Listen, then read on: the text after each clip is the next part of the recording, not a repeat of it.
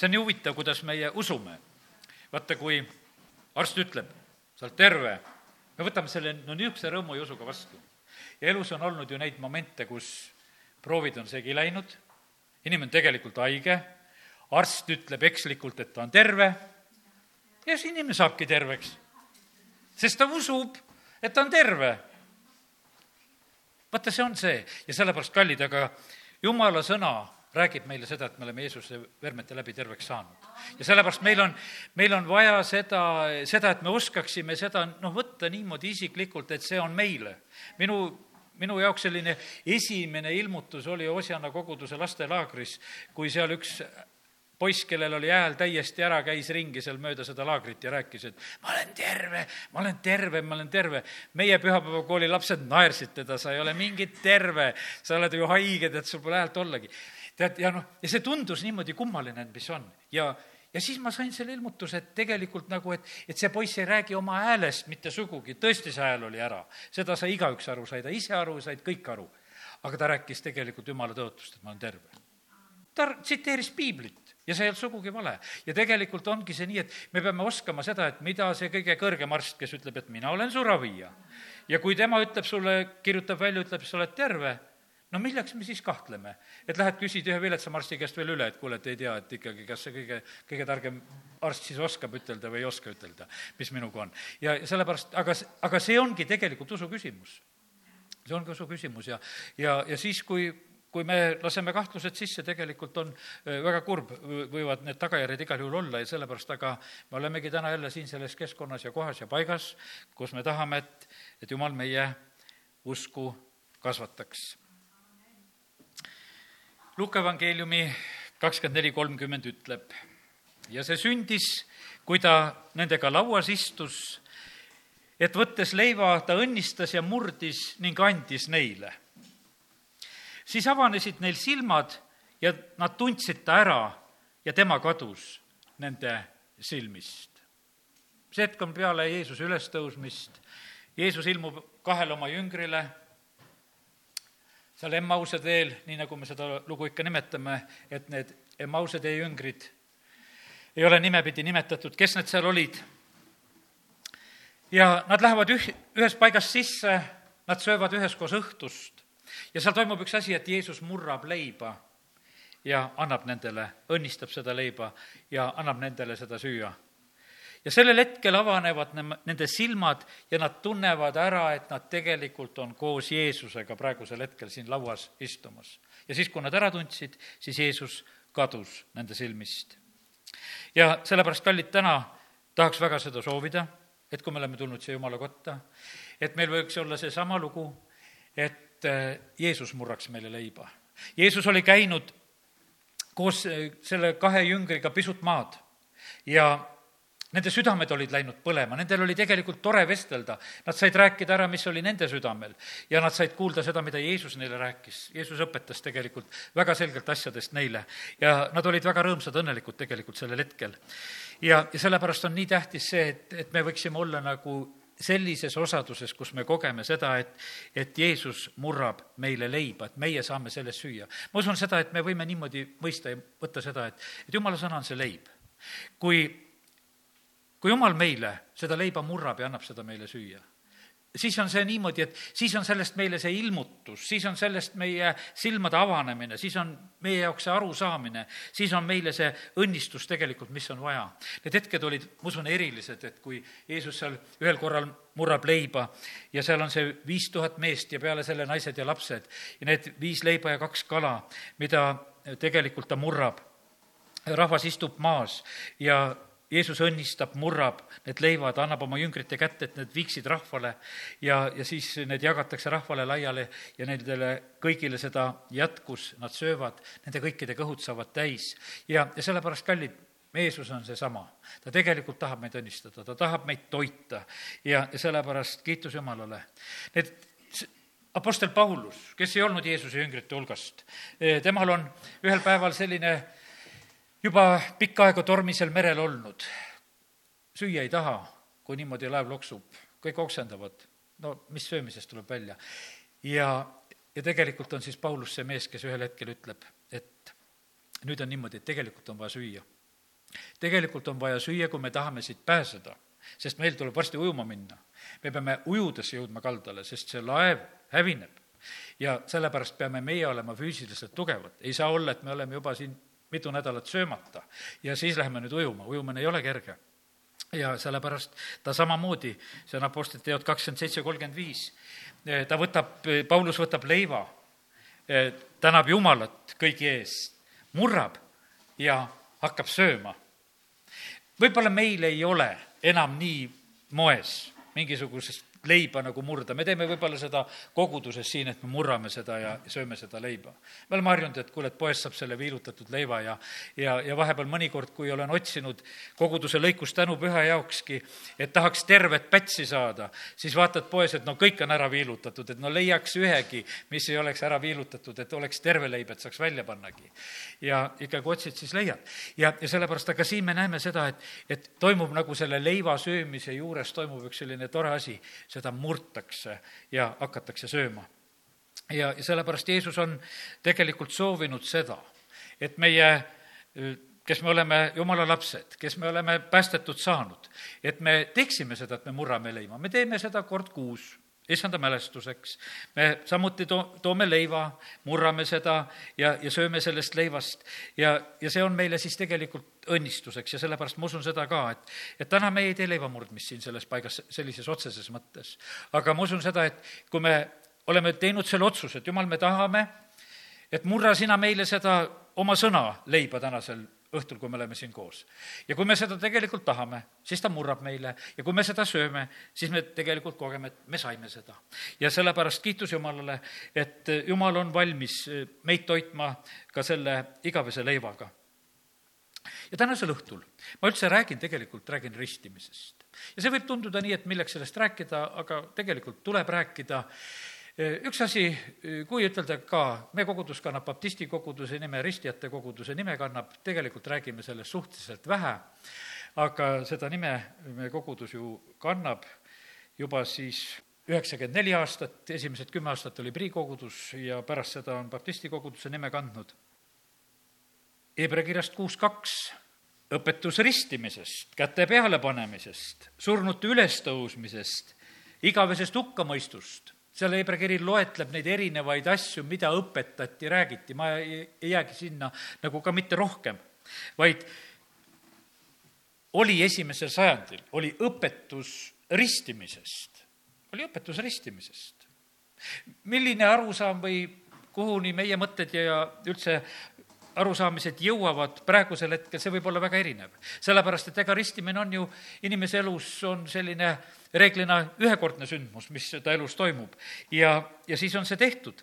ja täna tahaksingi just rääkida, et me võiksime sellel teemal saada ilmutust. ma mõtlen sedasi, et, et need, kes meie oleme juba võib-olla ammu-ammu ristitud ja oleme koguduses ja need, kes ei ole veel ristitud, ma usun, nendel on seda veel väga vaja. ja igal juhul ma usun, et iga ühe jaoks on vaja ilmutust. teate, nende asjadega on nii. ma usun, et ka teie jaoks oleks see nõnda.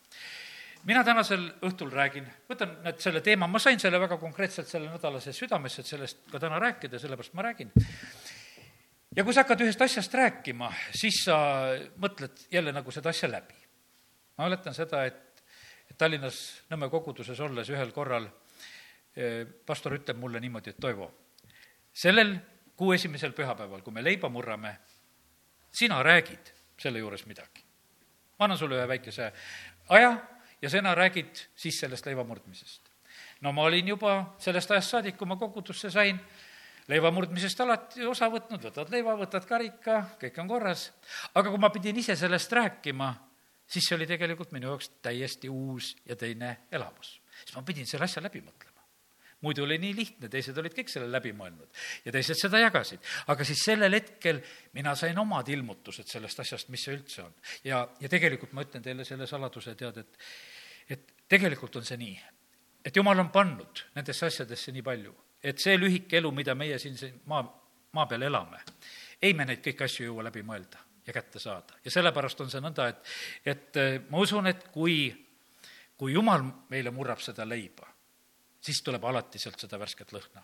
siis tuleb alati meile seda värsket arusaamist. ja, ja sellepärast si-, siis on alati tegelikult see õnnistatud ja hea. ja olgu, nüüd see selline sissejuhatus sellele asjale. ristimine kreeka keeles on baptiiso ja, ja see tähendab, see sõna tegelikult tähendab sellist igapäevaelus hoopis teisi asju, ta tähendab sissekastmist, ütleme, et räägitakse, et, et oli see pesu loputamine või leotamine või, või värvimine, et sa kangast värvisid, et sa kastsid värvi sisse, et see sõna baptiiso tegelikult ja paljude pesemiste juures tegelikult ka tarvitati seda sõna, kui seda baptiiso sõna siis tegelikult eh, kreeka keeles tarvitati igapäevaelus.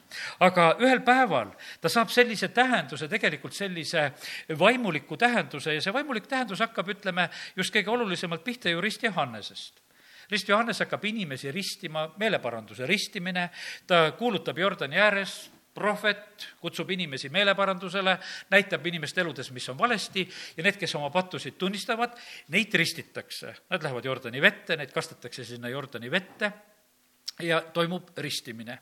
ja, ja sellepärast tegelikult see on üks selline, eh, üks huvitav selline uus toiming ja mina mõtlen sedasi, et, et kui ma ise käisin ristimisel, eh, ma mäletan, et eh, see oli minu isa siinsamas selles koguduses, ta lihtsalt ühel suvel, kui oli ristimine tulemas, küsib, et kuule, et umbes, et poiss, et kas, kas sa ei tahaks juba ristimisele minna, et päästetud olin saanud. mul oli nii hea meel, et ma olin päästetud saanud ja, ja siis ei tulnud nagu see ristimine nagu väga meeldigi, et kuule, et, et seda ka peaks nagu tegema.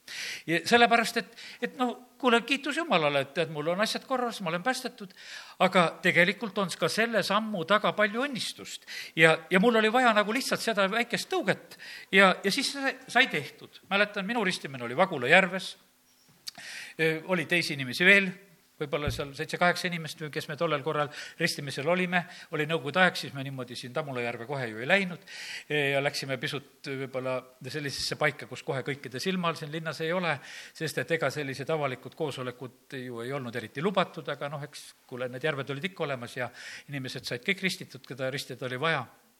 ja, ja siis see toimus ja, ja nii see on toimunud. mina mäletan seda eh, ristimist, kui käisin Hansojärve juures Hoosiana koguduse ristimist vaatamas. see oli üks selline küllalt juba hilissügise aeg, nii et vähemalt lund tuli ülevalt juba. maa ei olnud lumega veel kaetud, maa oli, ütleme, nagu paljas, aga see sadav lumi, noh, järjest, mis ülevalt tuli sellel hetkel, järv ei olnud veel ju jääs, aga noh, külm oli juba, kui saad aru, et lund juba sajab. ma ei oska seda üteldagi, mis täpselt see kuu oli seal Hansojärve ääres. telk oli üles pandud, mis kuu oli? Novembrikuu oli see. ja, ja siis oli niimoodi, et, et sealt telgis oli veel mingi väike ahi oli, kus köeti, et oleks soojem, kes riideid vahetavad ja ja, ja päris paljud olid, kes sellel hetkel olid seal ristimisel, keda ristiti ja siis neid vaatajaid, et see oli igavene vahva näha sellist, sellist ristimist, kus noored läksid ristimistele. ja, ja kiitus Jumalale. ja aga täna ma, ma mõtlen sedasi, et ma tahaksin nagu just nagu rääkida sellest, et miks meid siis kuskile sinna vette kastetakse, miks meid sisse kastetakse. üks ilus sõna tegelikult sellele eh, ristimisele, kui ma neid, ma lugesin no vene keeles ja, ja vaatasin neid piiblitõlkeid ja asju erinevaid, siis eh, sain nagu selliseid pilte ja võrdlusi sinna juurde. see on ka üks sõna, võiks, mis võiks ütelda, et see on nagu sukeldumine. see on sukeldumine. Eh, sa sukeldud, sa oled täiesti sellises uues keskkonnas. Või üks mõte, mida Apostel Paulus räägib, ütleb, et see on äh, vana elu mahamatmine, Rooma kuuendas peatükis ta räägib sellest, kui, kui matmises sind maetakse. ja ma vaatan sedasi, et kui lapsed käivad praegusel hetkel ujumas, nendele nii meeldib sukelduda vaata, vaata, tead, ma panen tead siit alla ja, ja sealt kuskilt teisest kohast tulen ülesse. no nendele lihtsalt meeldib see sukeldumishetk, et nad on korraks seal vee all ja, ja ta tuleb sealt välja. ja, ja sellepärast, ja nii huvitav on see, et meie vaimulikus elus on, meie vaimuliku elu alguses, kui me saame päästetud, et meil on see sukeldumishetk. me saame päästetud, me saame oma patud andeks, me sünnime, Jeesuse veri puhastab meid, me saame puhtaks. ja siis Need, keda ära päästeti, me teame seal Apostlite teod kaks, neid kõik ristiti sellel päeval, need kolm tuhat inimest, kõik ristiti, kõik lähevad veest läbi. uus sünd ja ristimine, uus sünd ja ristimine. ma usun sedasi, et iga laps ka, kes, kes siia maailma sünnib, et üsna varsti ta pestakse. et see vesi tuleb üsna kohe mängu. ja sest et noh, et, et see, kuidas sa sünnid, selle sünnituse järel on väga hea, et saab ka pesta ja sellepärast kiitus Jumalale, et, et ka vaimulikus elus on. ja, ja kas me oskame ütelda täna lõpuni, et mis on selle taga? pastor Rick Renner oma raamatus ristimisest, mul on see väide nii meelde jäänud, ta ütles seda, et et üheksakümmend protsenti nendest päästetutest, kes kohe lähevad ristimisele, jäävad püsima. ja need, kes ei lähe kohe, nende hulgas on kadu tegelikult väga suur, lähevad tagasi maailma. Ja siis mõtled, et see veeprotseduur on nii suure õnnistusega. ei saa seda nagu kuskile ära lükata, kui see, kui see hoiab inimese alles jumala riigi jaoks ja ma usun seda, et, et selles on tegelikult väga mitu momenti, üks on lihtsalt see puhas kuulekuse moment. Jeesus läkitab ja ütleb Mattiuse evangeeliumi lõpus, minge, õpetage ja ristige inimesed peavad tegema ise selle valiku ja sellepärast täna, kui me sellest räägime, ma usun, et, et jumala püha vaim saab olla ainukene see, kes saab neid ilmutusi tuua. ja ma kaugeltki ei üritagi seda, et ma mingeid ilmutusi suudaksin kellelegi välja pressida. seda saab teha jumala vaim ainult selle juures, kui me siin sõna räägime, sest et kui jumala vaim töötab kaasa seda ka just konkreetselt sinu jaoks, siis sa saad eh, selle ilmutuse, mis on sulle vaja. ja, ja sellepärast nii see on, et, et neli pühapäeval need inimesed, eh, keda sõna puudutas, kes tahtsid meelt parandada, kelle südamesse läks läbi, see on Apostlite teod kaks kolmkümmend kaheksa, siis Peetrus ütleb nendele, parandage meelt ja igaüks teist lasku ennast ristida Jeesuse Kristuse nimesse pattude andeks saamiseks, siis te saate pühavaimu onni. salm nelikümmend üks ütleb, kes nüüd tema sõna vastu võtsid, need ristiti ja sel päeval lisati nende hulka umbes kolm tuhat inimest. ja järgmine salm ütleb, aga nemad püsisid apostlite õpetuses, osaduses, leiva murdmises ja palvetes. Need inimesed, keda liideti koguduse juurde, kes said päästetud, keda ristiti ja liideti koguduse juurde, need jäid püsima. Need jäid püsima, see, see ja tegelikult on see niivõrd oluline ja tähtis, et need inimesed, kes saavad päästetud, et nad saaksid äh, ristitud ja et nad saaksid koguduse juurde liidetud. Äh, siin äh, pastor Dmitri Makarenko, kui ta oli just eriti, kui ta Tartus seal üle kolmekümne inimese või palju seal päästmisele tuli, ta nendele väga rõhutas tegelikult, et teil on vaja kogudust, teil on vaja karjast selleks püsimajäämiseks. sest kui laps sünnib, no ääretult tähtis on see, et, et tal oleks kodu, tal oleks paik ja koht. sest et seal läheb kohe lahti see, see sünn, sünnitusmajast koju tuleku hetk, ütleme, kui see on noh, nagu tavaliselt on, siis see võib olla selline ilus hetk, et on, saad selle ilusa mähitud lapse ja aga aga sealsamal tegelikult hetkel, kui pildid on ära tehtud, siis läheb elu lahti.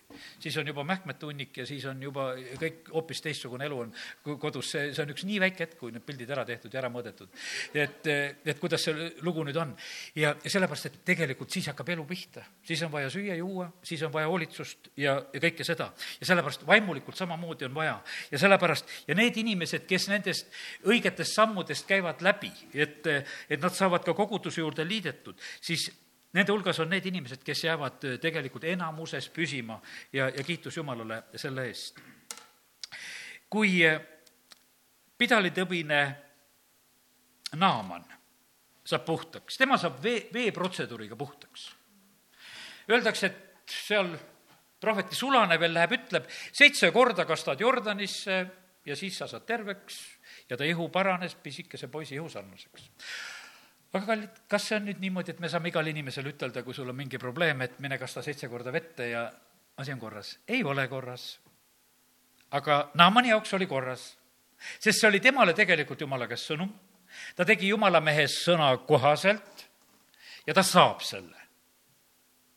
ja, ja sellepärast täna on niimoodi ka, et, et eks selle ristimisega ma, kuidas ütleksin ka, tooksin nagu sellesama võrdluse, et üks mu tuttav kunagi ka, kes läks ristimisele, küsis, ma üldse ei usu.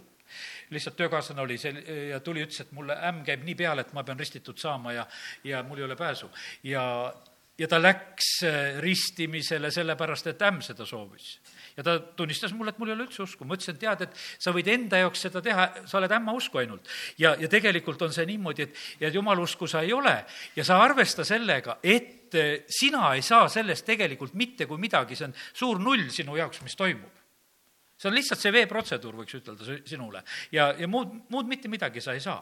ja sellepärast, aga kui sa teed seda usus, kui sa teed jumala mehe sõna peale, kui sa teed selle issanda sõna järgi, siis tegelikult on see hoopis teine asi sinu jaoks ja sellepärast on see niimoodi, et keegi võib saada selle veeprotseduuri ajal ka terveks, on neid ka, kes ristimisel saavad terveks. ja ja siis tuli mulle meelde see, et kui Jeesus on Pedesta tiigi ääres, seal on niimoodi, et kõik ootavad seda vee liikumist, et saaks selle vere, veeprotseduuri kaudu terveks Jeesus ütleb, et kuule hoopis, et tõuse üles, võta oma voodikõnni, lähme siit minema, vett ei lähe. et teeme kuivalt. et ei, ei ole mitte mingisugust vett praegusel hetkel vaja. ja sellepärast ma ütlen ka sedasi, et kallid, ristimine on eelkõige selline asi, mis mis viib meid kogudusse, mis on uks kogudusse, võiks ütelda, sealt veest läbi ja me läheme kogudusse ja, ja seal võib olla selline eh, noh, ütleme, kuidas ütelda, et seal võib olla, mõni terveneb, üks meie kogudusõde läks Oleviste kogudusse ristimisele, sõitsime Tallinnasse, ta oli, ta ütles, et mul oli ma olin haige ja oli nii paha olla ja ma ütlesin, ma ei julgenud välja rääkida seal, et äkki nad ei võta mind ristimisele.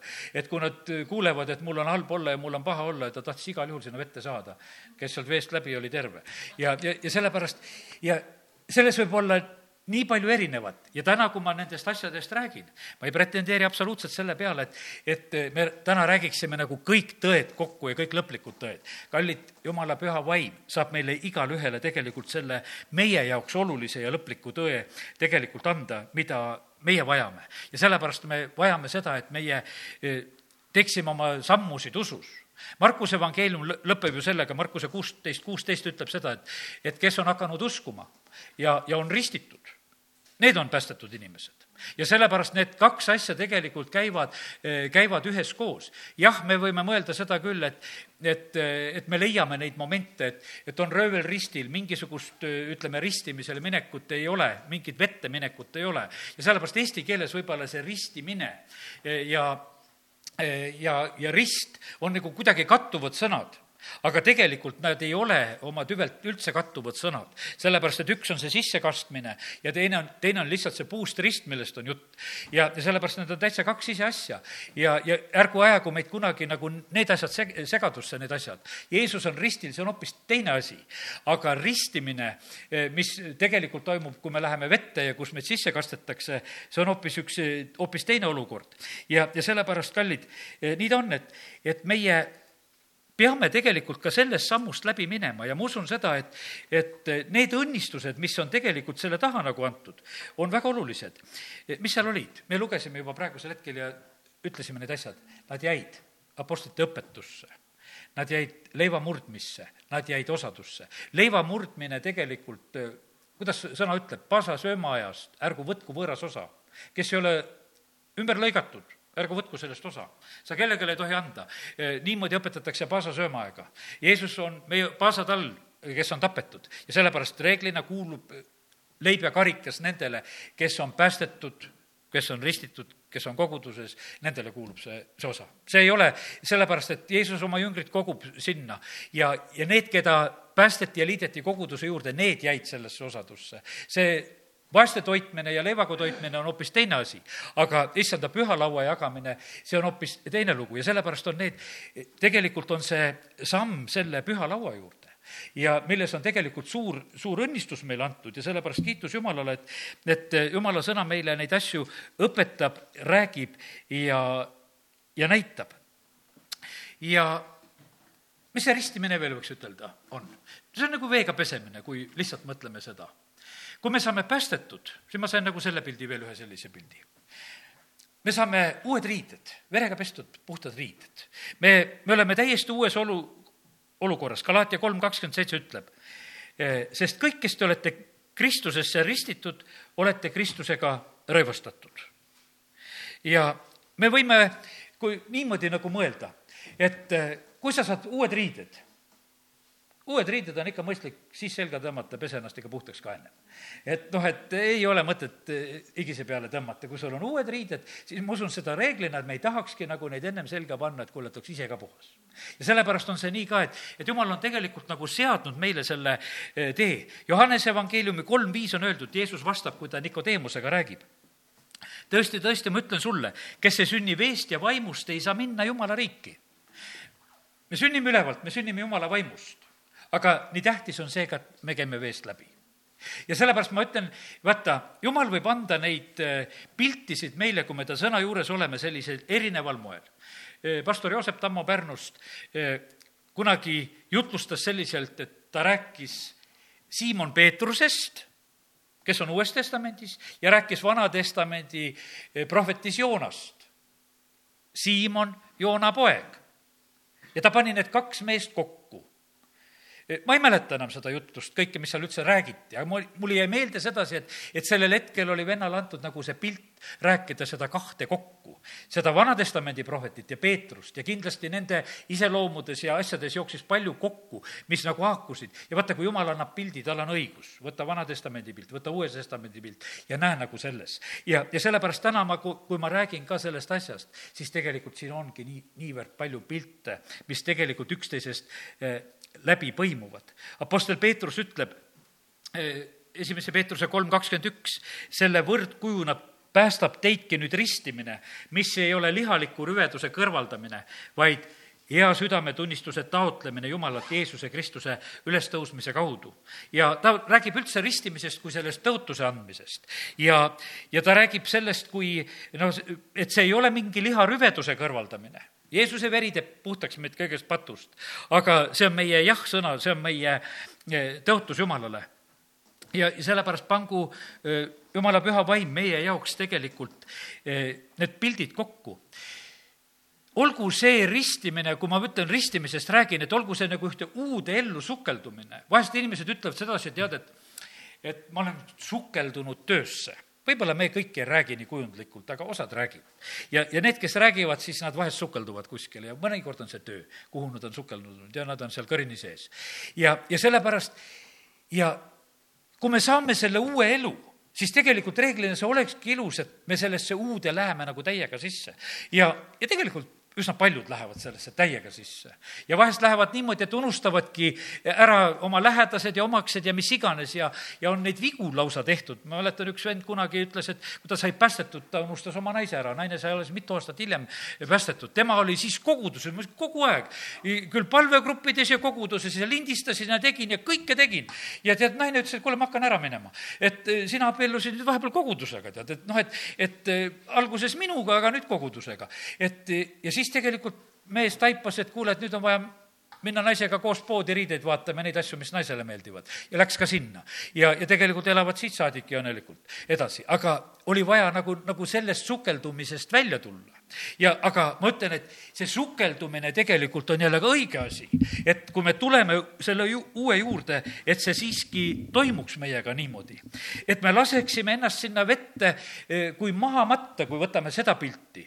et vajutatakse sinna alla ja meid maetakse sinna ja mul on olnud vahest see pilt, et, et vaata, olen näinud neid filmegi, kus on niimoodi, et kui mets, metsloomad seal, ütleme, see kiskja ajab kedagi taga ja kui ta saab sinna vette põgeneda tegelikult, siis on niimoodi, et noh, et osad kiskjad natukene lähevad vees järgi ja aga tegelikult, mis kindlasti juhtub, et on niimoodi, et need jäljed kaovad ära, enam lõhna üles ei võta, sest sealt veest sa enam lõhna kätte ei saa.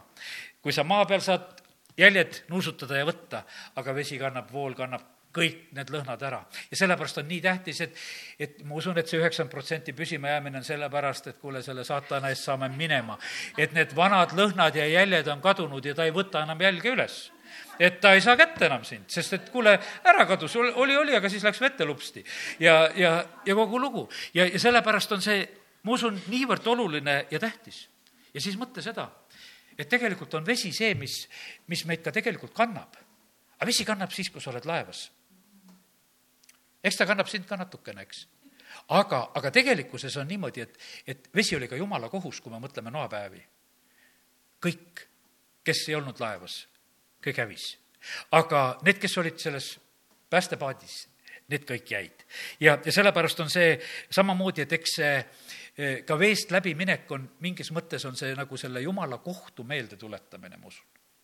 et eh, vana elu lõpeb, surm, kõik selle jumala kohta olla, sinna vette. uuel taeval ja maal enam merd ei ole. see on, see suur vesi sellises mõttes on nagu kadunud, siin selles maailmas on ta väga võimsalt tegelikult ju olemas. ja, sellepärast, mida inimesed siin kardavad? inimesed on ju tegelikult rammetud nende veevoogude pärast ja kui me vanasti võib-olla lugesime nendest veevoogudest, siis meil olid veel need, ütleme, need tsunamid nägemata telekast ja piltidest ja kohtadest, eks, aga, aga praegusel hetkel on meil nii arusaadav, et, et kuidas siis kõik ehitused, suured laevad ja lennukid on nagu mänguasjad tegelikult nende tsunamilainete ees kõik ühe hetkega püütakse. ja sellepärast need veevood võivad olla tegelikult väga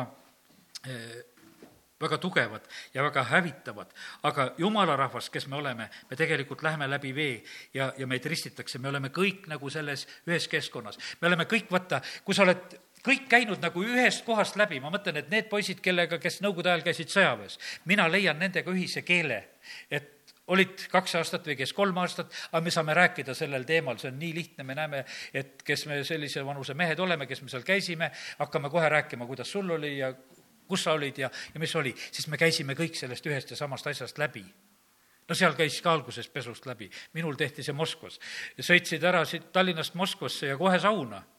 ja ennem ei antud neid uusi sõjaväeriideid selga, kui kõik omad asjad pidid olema kadunud. ja kõik pakki ja kõik saadeti koju. isa-ema küsisid, et miks need vanad kaltsud üldse meil veel koju saadeti. aga Nõukogude võim oli ka nii tubli, et nad saatsid kõik need asjad veel ausalt koju tagasi ka sealt. ja, ja tulid kõik need asjad eh, tagasi, sest ei pannud ju teab mis asju selgagi, kui sinna läksid. ja, ja sellepärast, aga kõik läksid nagu sellest ühest läbi. ja vaata, kui sa oled nagu sellest ühest läbi käinud, sul on nagu see üks kogemus ja sellepärast see jumala rahvas, no haruldane mõelda esimesel sajandil, seal kõik need inimesed on ristimisest läbi läinud.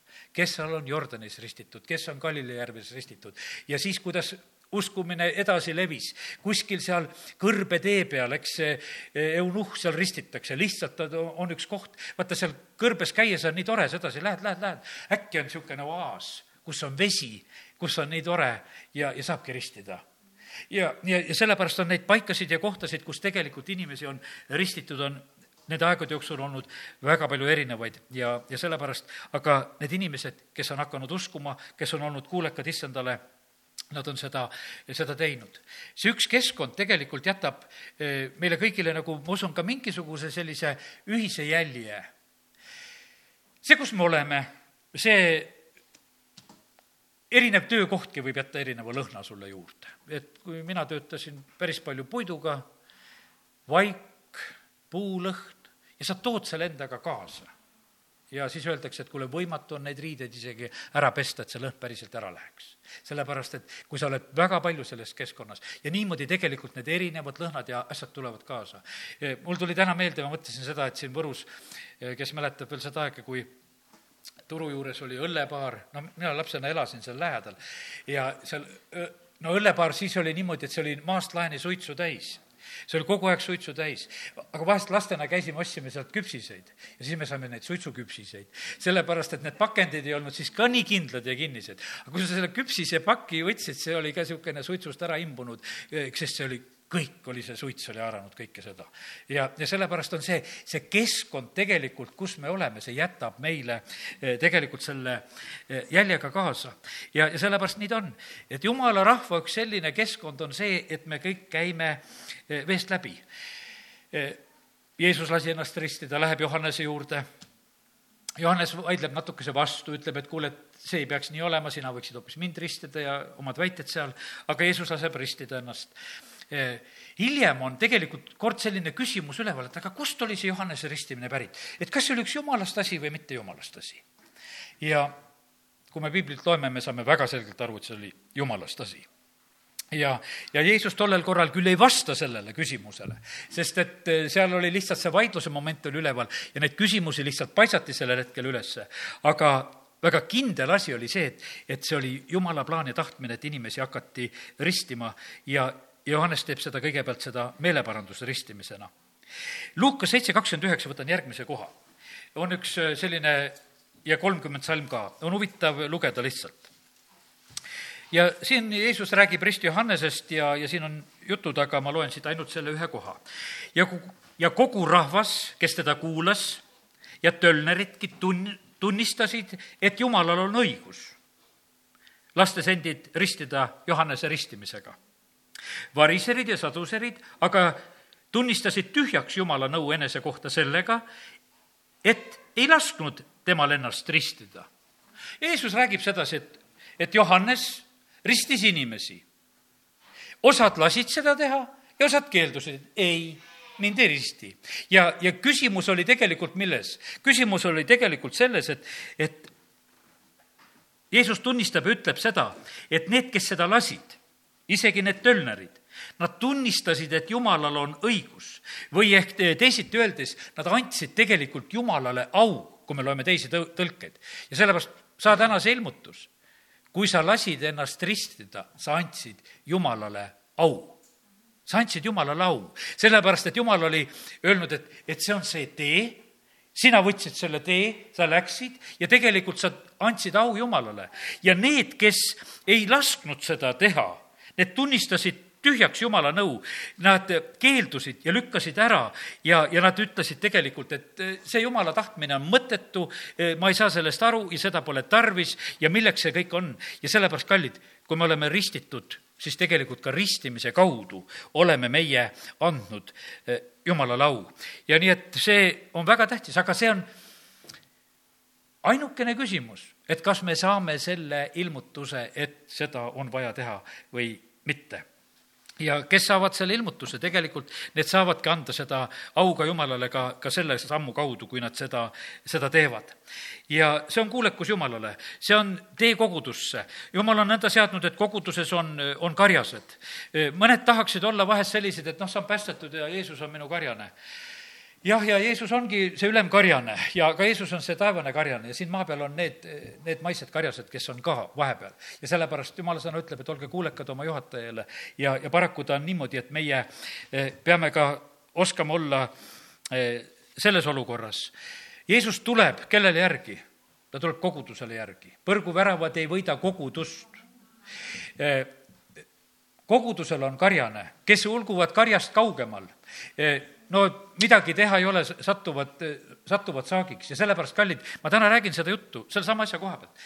et need ei ole naljaasjad, me võime, me vahest võime võtta kuidagi lõdvalt ja tahta, et nii ja naa, et igatpidi saab. et praegusel hetkel igasugused internetid ja telekad ja värgid ja et, et me saame kõigega tegelikult nagu asju ära lahendada.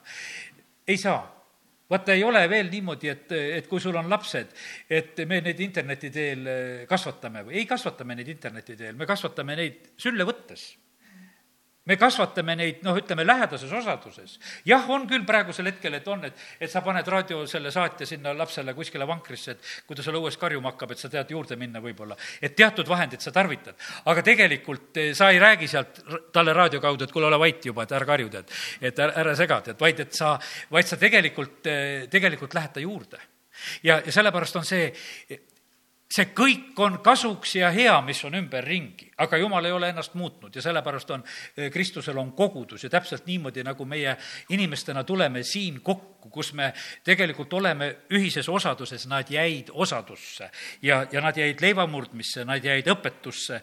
Ja, ja tegelikult eh, seda on lihtsalt vaja. Ja sellepärast me peame nendest asjadest omama lihtsalt ilmutust, teisiti ei saa piibel räägib meile põhiliselt nagu kahest ristimisest, noh, neid ristimisi on rohkem, ma ütlen sellepärast põhiliselt kahest ristimisest, sest räägitakse ristimisest Moosesesse, eks seal ja Vanas Testamendis seda, neid võrdpilte tegelikult Uus Testament toob esile veel ja ja aga need kaks ristimist on veega ristimine ja püha vaimuga ristimine ja, ja ütleme, et veega ristimine on nii tähtis. ja nüüd võib olla, järjekord võib nendel asjadel olla niimoodi, et võib olla üks ja teine. me teame seda, et, et Apostlite teod kümme Korneliuse kojas juhtub see lugu, et vaim langeb nende inimeste peale, nad hakkavad keeltes rääkima ja Peetrus ütleb, et kuule, et mis siin nüüd keelab, et miks ei peaks neid ristitama, kes saab vett keelata, et nüüd tuleb neid ristida. ja ta käsib, et need tuleb ristida, kes said päästetud, kes said täis püha vaimu, et need tuleb ristida. ja, ja sellepärast on see niimoodi, et, et reeglina võis olla see teistpidi, isegi Jeesuse elus oli niimoodi, et, et kui Jeesus sai ristitud ja ta tuleb veest välja, siis püha vaim tuleb ta peale tuvikujul kui see eunuhh saab ristitud, siis ta läheb oma teed rõõmuga.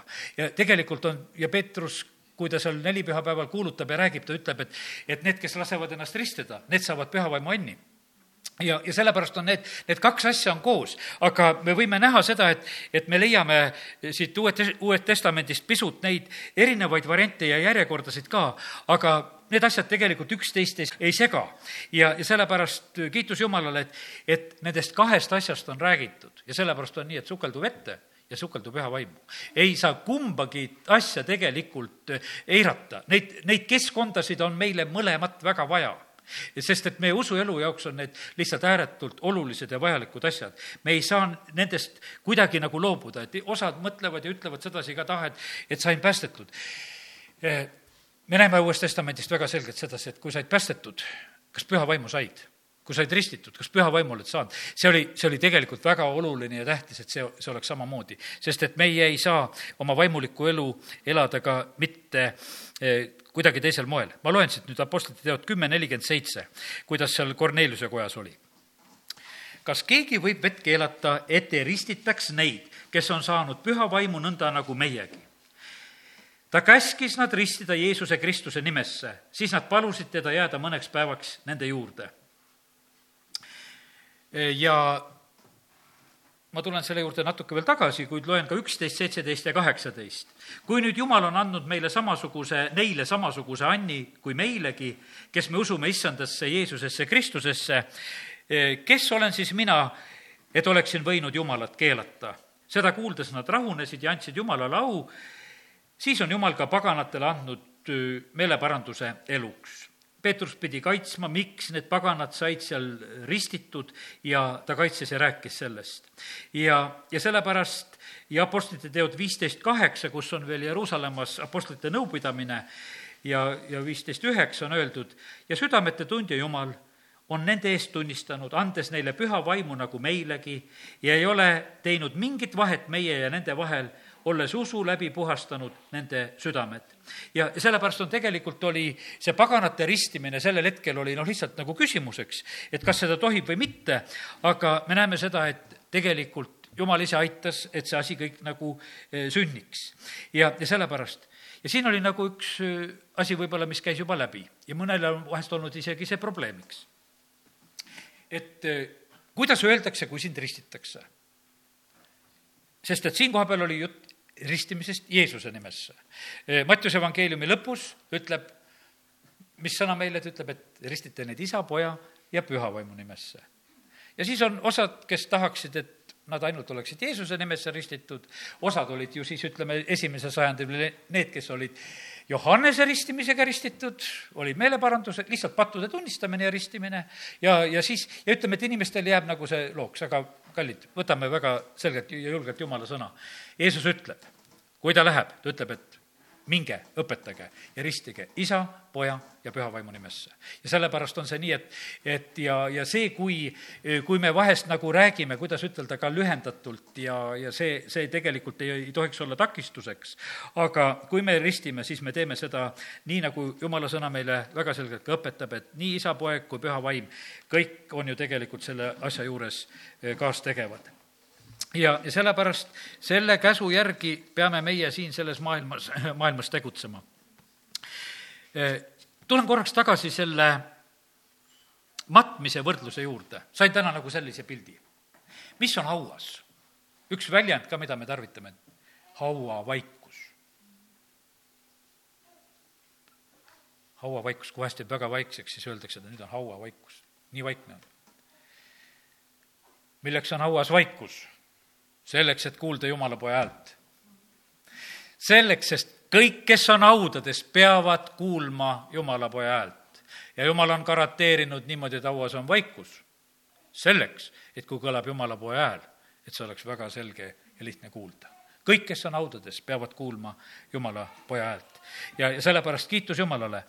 E, Johannese viis kakskümmend viis, tõesti, tõesti, ma ütlen teile, tund tuleb ja see ongi juba käes mil surnud peavad kuulma Jumala poja häält ja kes seda kuulevad, peavad elama. kakskümmend kaheksa sealtsamast ütleb, ärge pange seda imeks, sest tuleb tund, mil kõik, kes on haudades, kuulevad tema häält. ja kas sa saad nüüd selle pildi kokku, mida, mida ma tahaksin praegusel hetkel ütelda? ristimine on kui hauda minek. kõik, kes on haudades, kuulevad Jumala poja häält.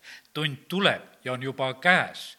kõik, kes on haudades, kuulevad Jumala poja häält ja, sellepärast vaata, see on meie eesõigus ja võimalus et, et meie võime kuulda Jumala pojalt, me kuuleme seda, mida Jumal tahab. ja sellepärast ta ütleb, et ärge pange seda imeks.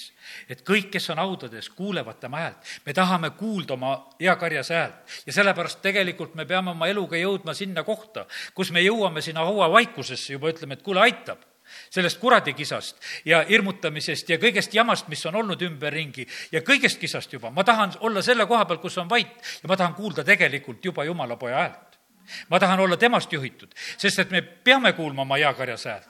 sellepärast, et neid hääli, mis tahaks kõike sassi ajada, on küll ja küll siin selles maailmas ja sellepärast on see nii, et, et ma usun seda, et me mõistame isegi seda, et kui me läheme sinna vee alla, mine vee alla korraks ära ja kuule, seal on palju vaiksem. võib-olla mõni kuskil seal plärtsutab veel, kui sul keegi lähedal on, aga seal on hoopis teine vaikus juba. ja sellepärast on niimoodi, aga seal ei takista ka mitte miski asi tegelikult Jumala poja häält kuulmast. ja sellepärast kiitus Jumalale, et me võime tegelikult saada neid pilte ja ilmutusi, et eh, mis, mida tegelikult kõike Jumal tahab meile anda ka, ka selle sammu kaudu. reeglina oli see üks selline täitsa kohe samm, kui Paulus saab päästetud, ma loen nüüd Pauluse koha pealt natukene, Apostlite teod üheksa, seitseteist, kaheksateist, siis Ananias läks ja astus sisse sinna kotta ja pannud oma käed Sauluse peale, ütles, Saul vend, issand on mu läkitanud, Jeesus, kes end sulle näitas teel, mida mööda sa tulid, et sa jälle näeksid ja saaksid täis püha vaimu. ja kohe langes Sauluse silmadelt otse kui soomuseid ja ta nägi jälle.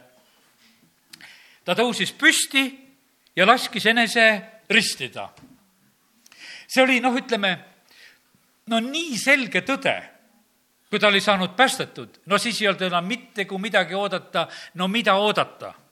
ta tõusis püsti ja lasi ennast kohe ristida. ja nüüd Apostlite teod kakskümmend kaks, eh, siin on veel selgitus selle asja kohta. Eh, siis ma ütlesin, mis ma pean tegema, issand? Eh, no Paulus ise tunnistab enda kohta oma päästmisest. issand ütles mulle, tõuse püsti ja mine ta Damaskusesse, seal öeldakse sulle kõik, mis sul on määratud teha aga kuna ma selle valguse kirkuse tõttu ei näinud, talutasid mu kaaslased mind kättpidi ja ma jõudsin Damaskusesse. aga keegi Hananias, seaduse järgi vaga mees, kellel oli hea tunnistus kõigi sealsete juutide poolt, tuli minu juurde. ta seisatus mu kõrval ja ütles, vend Saul, näe jälle. ja sel samal hetkel ma nägin jälle ja vaatasin talle otsa. tema ütles, ütles aga, meie isade jumal on su määranud tunnetama tema tahtmist ja nägema seda õiget ja kuulma tema, tema häält tema suust. sest sina saad tema tunnistajaks kõigile inimestele selles, mida sa oled näinud ja kuulnud. ja mida sa nüüd ootad? Tõuse ja lase ennast ristida ning oma patud ära pesta, appi-hüüdes tema nime et see väga huvitavalt, Paulus, kui ta hiljem tunnistab sedasi, et kuidas tema päästmine oli, et, et tegelikult oli niimoodi, et et ta saab need, need käsud lausa, et kuule, mida sa nüüd ootad? nüüd tõuse ja lase ennast ristida ja appi hüüdes, pese ennast, lase oma patud ära pesta ja appi hüüdes issanda nime ja tee seda. ja, ja sellepärast kiitus Jumalale, et me täna võime nendest asjadest rääkida, seda ma räägin selles usus, et täna, kes me oleme siin, saame kinnitatud, need, kes kuulavad interneti teel, et, et tegelikult me teeksime neid sammusid, mis on vaja, et me ei, ei paneks lihtsalt asjadele vastu, et me annaksime Jumalale au, sest et tegelikult Jumal ootab sedasi, et suvi on käes kas siit maalt tuleb au? või vahet ei ole, võib ju ka novembrikuus, nagu täna juba oleme siin rääkinud. vahet ei ole, aga jumal peab tegelikult selle au saama ja sellepärast on see tegelikult jumalale kuuluv asi ja ta ootab seda, et kas, kas need asjad sünnivad. meil on ka need pildid, täna oleme palvekoosolekul ka, oleme koos, eks, et, et kus siin on palju neid, kes lähevad ristimisele ja sellepärast ka need pildid peavad täide minema. ja sellepärast kiitus Jumalale, et, et me täna lihtsalt võime usus neid asju näha kui äh, Philippus, see on siis see Apostlite jutt kaheksa, kaksteist, Philippus ristib seda Etioopia koja ülemat, eks on seal see koht, jah, ja ja siis on niimoodi, et, et juhatatakse Philippus ju sinna lihtsalt selle ühe konkreetse inimese juurde. Et, et see saaks päästetud ja et see saaks ristitud. Ja sellepärast ma lihtsalt räägin sellest, et, et, et see asi kohe vahest on meil selline niimoodi, et, et nagu mingid kombed, et kui inimene saab päästetud, et, et siis peab teda ei tea mismoodi kasvatama ja tegema, me näeme sedasi, et ristimine ja päästmine, need käivad täitsa koos, ei ole meil seal mingisuguseid eh, vahesid vahele vaja, vaid et kes saab päästetud, saab ristitud ja, ja siis me loeme kuidas kirjad õpetavad, et need, kes varastavad, ärgu varastagu enam, need, kes joovad, ärgu joogu enam, see kõik käib pühadele kirjad on pühadele kirjutatud ja siis me mõtleme, et mis pühad need niisugused on, kui nad seal varastavad ja joovad ja teevad kõiki valesid asju, aga tegelikult nad on tulnud sellest maailmast, nad veel kõike lihtsalt ei jaga. ja sellepärast ongi niimoodi, et, et see ongi see perekond. ja, ja sellepärast Jumal valmistab neid, nad on sellele teele asunud ja, ja tegelikult asjad lähevad korda e,. E, siis on veel üks selline, kus on kohe ristimine, on Apostlite teod kuusteist ja hingamispäeval, see on kolmteist ja viisteist salmid loen, hingamispäeval me läksime linnaväravast välja jõe äärde, kus me arvasime olevat palvepaiga. me istusime maha ja rääkisime kokku tulnud naistega.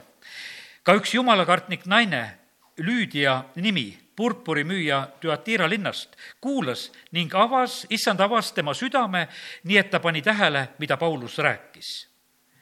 ja näete, kuidas tegelikult see sõnaga asjaga on, et, et kui issand avab südame, siis pannakse tähele, mida Paulus rääkis, muidu võid oma mõtteid ka mõelda, jõe ääres vaadata, vesi vuliseb ja, ja päris tore, eks, mõni kalakene ka kuskil võib-olla oli ja, ja täitsa vabadus on ju niimoodi olla, aga tegelikult, kui kui sa saad nagu sellele lainele, et kus sa hakkad tegelikult kuulma, issand avas südame. Ja ja mis siis juhtub edasi?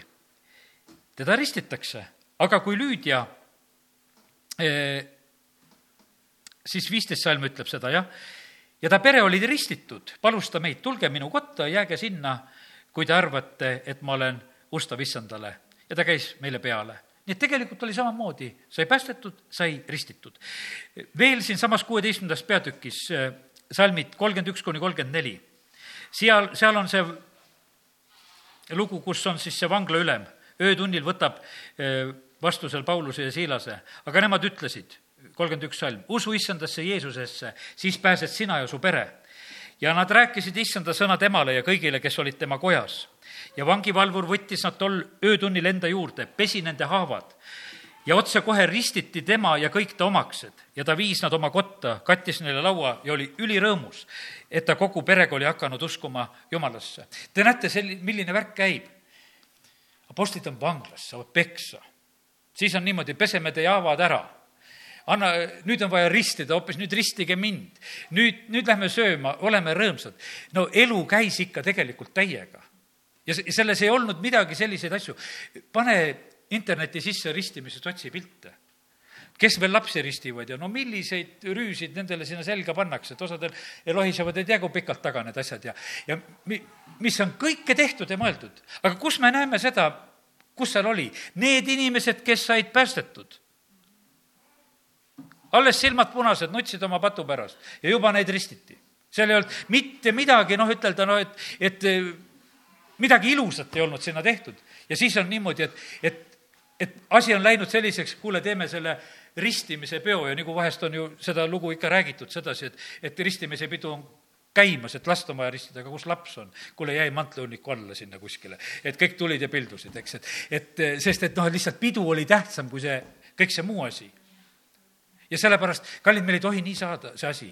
sellepärast, et tegelikult on, ristimine on need, kes uskudes annavad au Jumalale kes, kes lähevad seda teed mööda. me ei tohi sellest teha mingisugust ei tea mis asja, mingisugust teist asja, sellepärast et Jumal on meile andnud selle õnnistuse meie usutee alguses väga konkreetselt, mis, mis on meile vajalik ja, ja kiitus Jumalale selle eest, et ja, aga ma võtan Efesuse loo veel, see on Apostlite üheksateist ja see natukese avab meile veel korraks seda pilti, et, et kuidas seal Paulus arutleb ja räägib. üheksateist üks. kui Apollos oli Korintuses, sündis, et Paulus käis läbi ülamaakonnad ja tuli alla Efesusesse. ja ta leidis sealt mõned jüngrid. ta küsis neilt, kas te võtsite vastu püha vaimu, kui te saite usklikuks? kas te võtsite vastu püha vaimu, kui te saite usklikuks? osad rahulduvad sellega, et, et usklikuks saamine ongi püha vaimu töö jah, ja see ongi püha vaimu töö. me sünnime Jumala vaimust uuesti, see on püha vaimu töö. aga teine asi on see, et me võtame vastu selle püha vaimu me võtame vastu püha vaimu, võtame vastu püha vaimu annid, võtame need asjad vastu ja sellepärast Paulus tuleb ja küsib, et kui te saite usklikuks, eh, kas te seda võtsite? Nemad vastasid, me ei ole kuulnudki, et püha vaim on.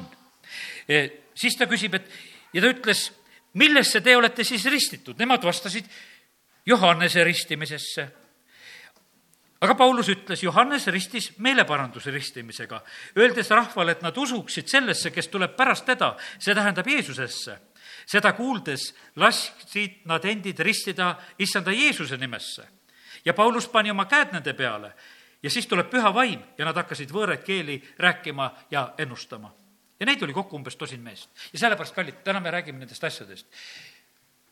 rist Johannes kuulutab ette, pärast mind tuleb see, kes ristib teid püha vaimu tulega ja sellepärast on niimoodi, et kui me ristimisest räägime, siis me ei jää ainult, me ei jää ainult selle vee juurde, vaid nii vesi kui vaim, see kõik tegelikult kuulub meile ja me ei tohi nendest asjadest mitte ühestki tegelikult eh, järeleandmist teha, vaid meie peame võtma need kõik täiega vastu. ja sellepärast kiitus Jumalale, et, et Jumal oma sõnas tegelikult neid asju meile avab.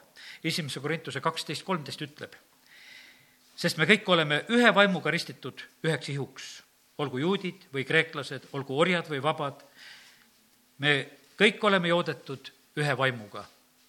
ja sellepärast on tegelikult, vaata, see jumala rahvas läheb väga ühte teed pidi. üks vaim, üks ristimine, üks usk, meil on üks jumal, me tegelikult saame seal kõik kokku ja see on niivõrd oluline, tähtis. ja, ja sellepärast aidaku meid Jumal, et, et meie igaühega just see täpselt niimoodi oleks ma ise olen niimoodi ikkagi kõige rohkem ikka niimoodi mõelnud, et, et ristimine hakkas pihta nelipühapäevast, et kolm tuhat seal ristiti, et ennem oli Johannese ristimine ja siis on nelipühapäeval see kolm tuhat, kes saab ristitud. aga Johannese evangeeliumi neljanda peatüki esimene ja teine salm on väga huvitavad selle asja koha pealt. me teame, et seal on see Samaaria naine ja need lood hakkavad seal pihta, aga esimene, teine salm, loeme täna need ka. Jeesus kõneleb Samaaria naisega, on pealkirjaks pandud kui nüüd issand sai teada, et variserid olid kuulnud, et Jeesus teeb jüngriteks ja ristib rohkem inimesi kui Johannes. sellel perioodil ristiti ja järgmine salm ütleb, kuigi Jeesus ise ei ristinud, vaid tema jüngrid, eks. aga tegelikult see praktika oli tegelikult siis juba sellel hetkel käimas. see praktika oli tegelikult käimas. Need eh, Johannese jüngrid kes tulid ta juurde, need olid harjunud, kuule, ristima peab, kes pattu tunnistab, need tuleb ikka vette lüüa. et noh, teisiti ei tohi. et see, see peab olema ja tegelikult see toimub ka Jeesuse ja tema jüngrite juures. aga meie jaoks on võib-olla see pilt nagu see, selliselt nagu peidetud ja sellepärast, kallid, ristimine omab eh, see see sissekastmine, see sukeldumine, see omab tegelikult nii, nii olulist ja tähtsat kohta. ja, ja ma usun sedasi, et, et vaata, need asjad, mida Jumal on seadnud, nendes lihtsalt on õnnistused me oleme vahest agarad pidama igasugu inimeste pärimusi. ma näen sedasi, et et vahest annad inimesele kätt ja nad on hädas, et üle läve seda ei saa anda, tead, see on puhas jama. ma võin igast, igast lävest üle anda sulle kätt. Need on inimeste pärimused. too see kirjakoht mulle, et üle läve ei tohi kätt anda. ja sul ei ole seda kirjakohta, see on inimeste pärimus ja vaata, kuidas inimesed neid asju peavad. Nad lihtsalt peavad neid asju. ja, ja, ja tegelikult on niimoodi ja kui sa seda kardad ja pead, küll sa selle kuradi käest saad kah. sellepärast, et uskumööda sul asju sünnib ja sa, sa saad neid asju, palju tahad. sest et kõik need ebausu asjad sünnivad täpselt samamoodi. ja, ja sellepärast on see nii, et, et see, see maailm on tegelikult rohkem usklik, kui meie siin oleme. me püüame siin mõnda asja et usu, et Jeesuse veri teeb su patust puhtaks.